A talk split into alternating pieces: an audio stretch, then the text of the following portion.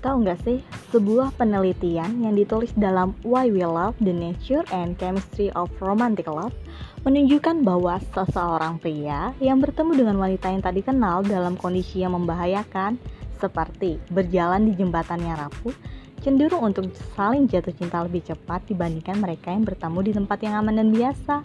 Dan terus, menurut teori matematika, seseorang harus menjalin hubungan cinta dengan 12 orang sebelum akhirnya menemukan orang yang tepat untuk seumur hidupnya.